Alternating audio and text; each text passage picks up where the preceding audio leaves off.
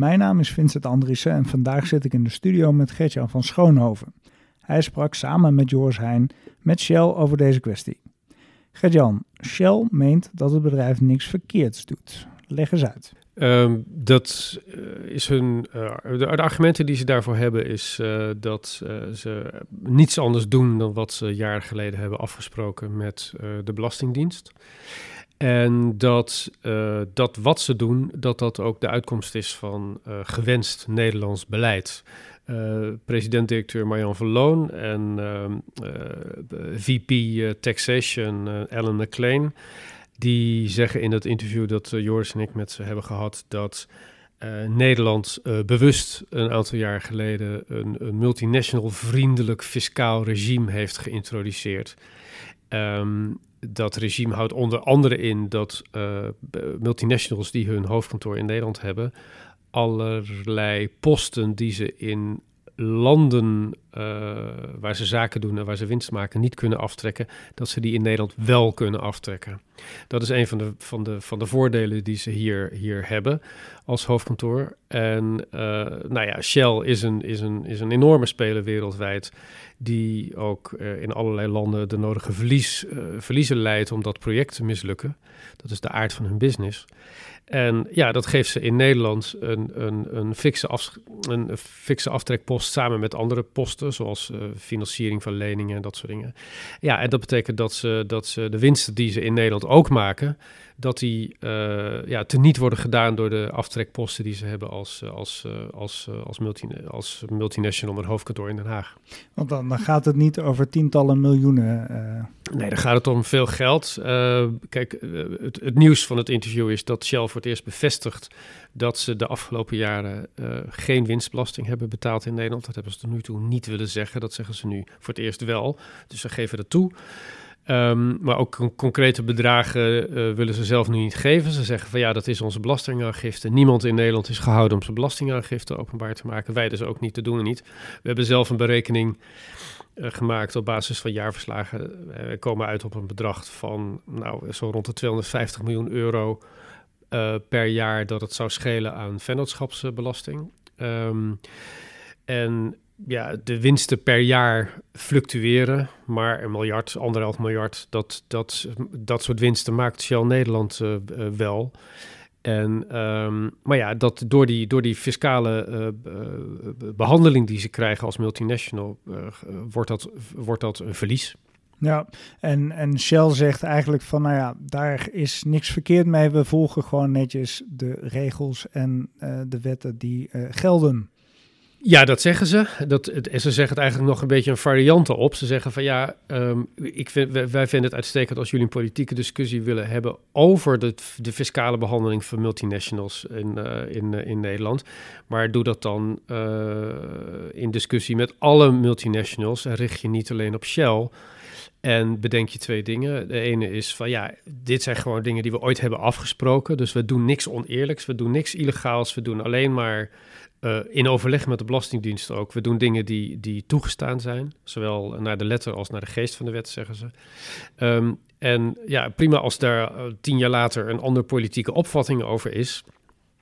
Maar dan doe dat dan, doe dan met open vizier en betrek andere multinationals er ook bij. Ja, want um, die discussie die, die gaat komen. Op 29 mei zijn ze uitgenodigd. In eerste instantie waren ze alleen uitgenodigd. Daarvan hebben ze gezegd, inderdaad, trek hem breed. Ja. Dus er komen nu meer multinationals aan tafel. Ja. En de bedoeling is dat er dan gesproken wordt over, nou ja, wat is nou dat regime? En er in de politiek spelen nu toch wel daar andere gevoelens over.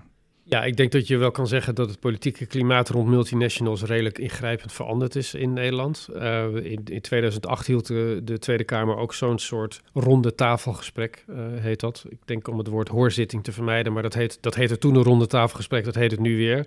Toen zaten daar allerlei fiscaal specialisten, fiscaal adviseurs van multinationals, uh, de fiscale specialisten van multinationals zelf. Ja, dat was een vrij soepel sfeertje. Het was nog crisis? En toen uh, was het zo van, nou, uh, wat kunnen we nog veranderen voor u uh, heren en van de multinationals? En, en nou, dat was eigenlijk, waren de dingen wel goed geregeld in Nederland. Um, maar nu is het toch meer de sfeer van een beklaagde bankje. je kunt zien dat er, dat, er, dat er veel maatschappelijk debat is geweest over de, de, de, de, de topsalaris, uh, uh, het fossiele karakter van sommige bedrijven, letterlijk fossiel. Um, en ook de, de, mogelijkheden die bedrijven hebben, grote bedrijven hebben, die gewone burgers, in elk geval naar de beleving van burgers, zelf niet hebben. En dat, dat drukt een stempel op de discussie over multinationals nu.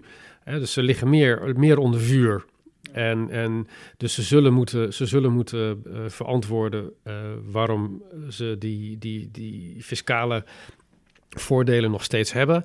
Hoe Nederland daarvan profiteert. Nou, Shell denkt dat ze dat goed kunnen uitleggen. Dat dat, dat weliswaar geld kost, maar dat dat nog veel meer geld oplevert. En goede banen en, en, en et cetera. Um, eh, ja, dat is de discussie die ze, die ze aan zullen gaan. Maar, de, maar het is ook zo dat sommige van de faciliteiten, van de, van de fiscale faciliteiten die grote bedrijven hebben, dat heet dat is onder andere de liquidatieverliesregeling. Dat, dat, dat is die aftrekbaarheid van buitenlandse verliezen. Ja, daar zeker GroenLinks en uh, Partij van de Arbeid hebben echt het vuur geopend op, uh, en de SP hebben het vuur geopend op die, op die regeling. Wat dat oplevert, is nu niet te zeggen. Maar het is wel, wel symptomatisch voor, uh, voor een kritischer klimaat uh, dat er in de Tweede Kamer is, zeker op links, ten aanzien van uh, multinationals. Dus het is inderdaad moeilijk in te schatten, maar verwacht jij misschien toch in de loop van de tijd daar een, een kentering, misschien regels die afgeschaft worden, andere regimes? Dat lijkt me heel vroeg om dat nu te zeggen. Kijk, ja, want uh, als, als die multinationals serieus uh, gaan dreigen met van uh, sorry, maar dan gaan wij weg. Dan weet ik niet of het zo, of het zo, zo de soep zo heet gegeten wordt als die wordt opgediend. want ja, ik, ik, Shell kan je zeggen, um, betaalt geen winstbelasting in Nederland. Maar als het hoofdkantoor van Shell niet in Nederland had gestaan, maar in Engeland, dan had Shell niet voor miljarden aan dividendbelasting gegenereerd voor de Nederlandse, voor de Nederlandse fiscus. Uh, iets van 10.000 banen, hoofdkantoor, uh, veel bezoek, veel investeringen in, in, in onderzoek. Nou ja, dat zal natuurlijk niet allemaal weggaan.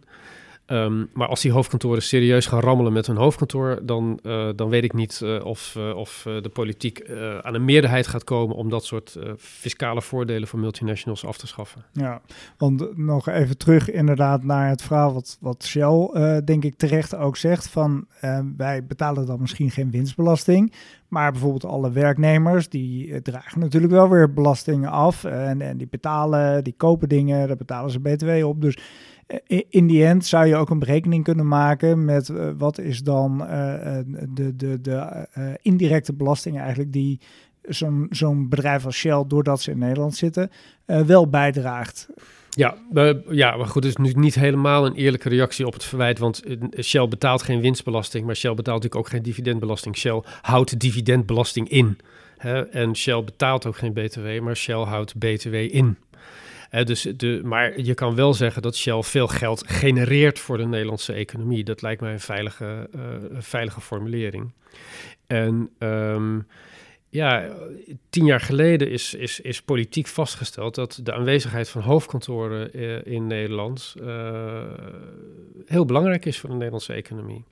Maar het is wel zo dat die hoofdkantoren werken op, met een hele kleine thuismarkt en een hele grote buitenlandse markt. En dat, dat, be, dat brengt bepaalde uh, fiscale consequenties met zich mee. En dat is wat ook Shell, Shell ook zegt: oké, um, we hebben dat toen afgesproken. Uh, de, de, de, de wetgever wilde bepaalde consequenties, namelijk hoofdkantoren. Dat is succesvol.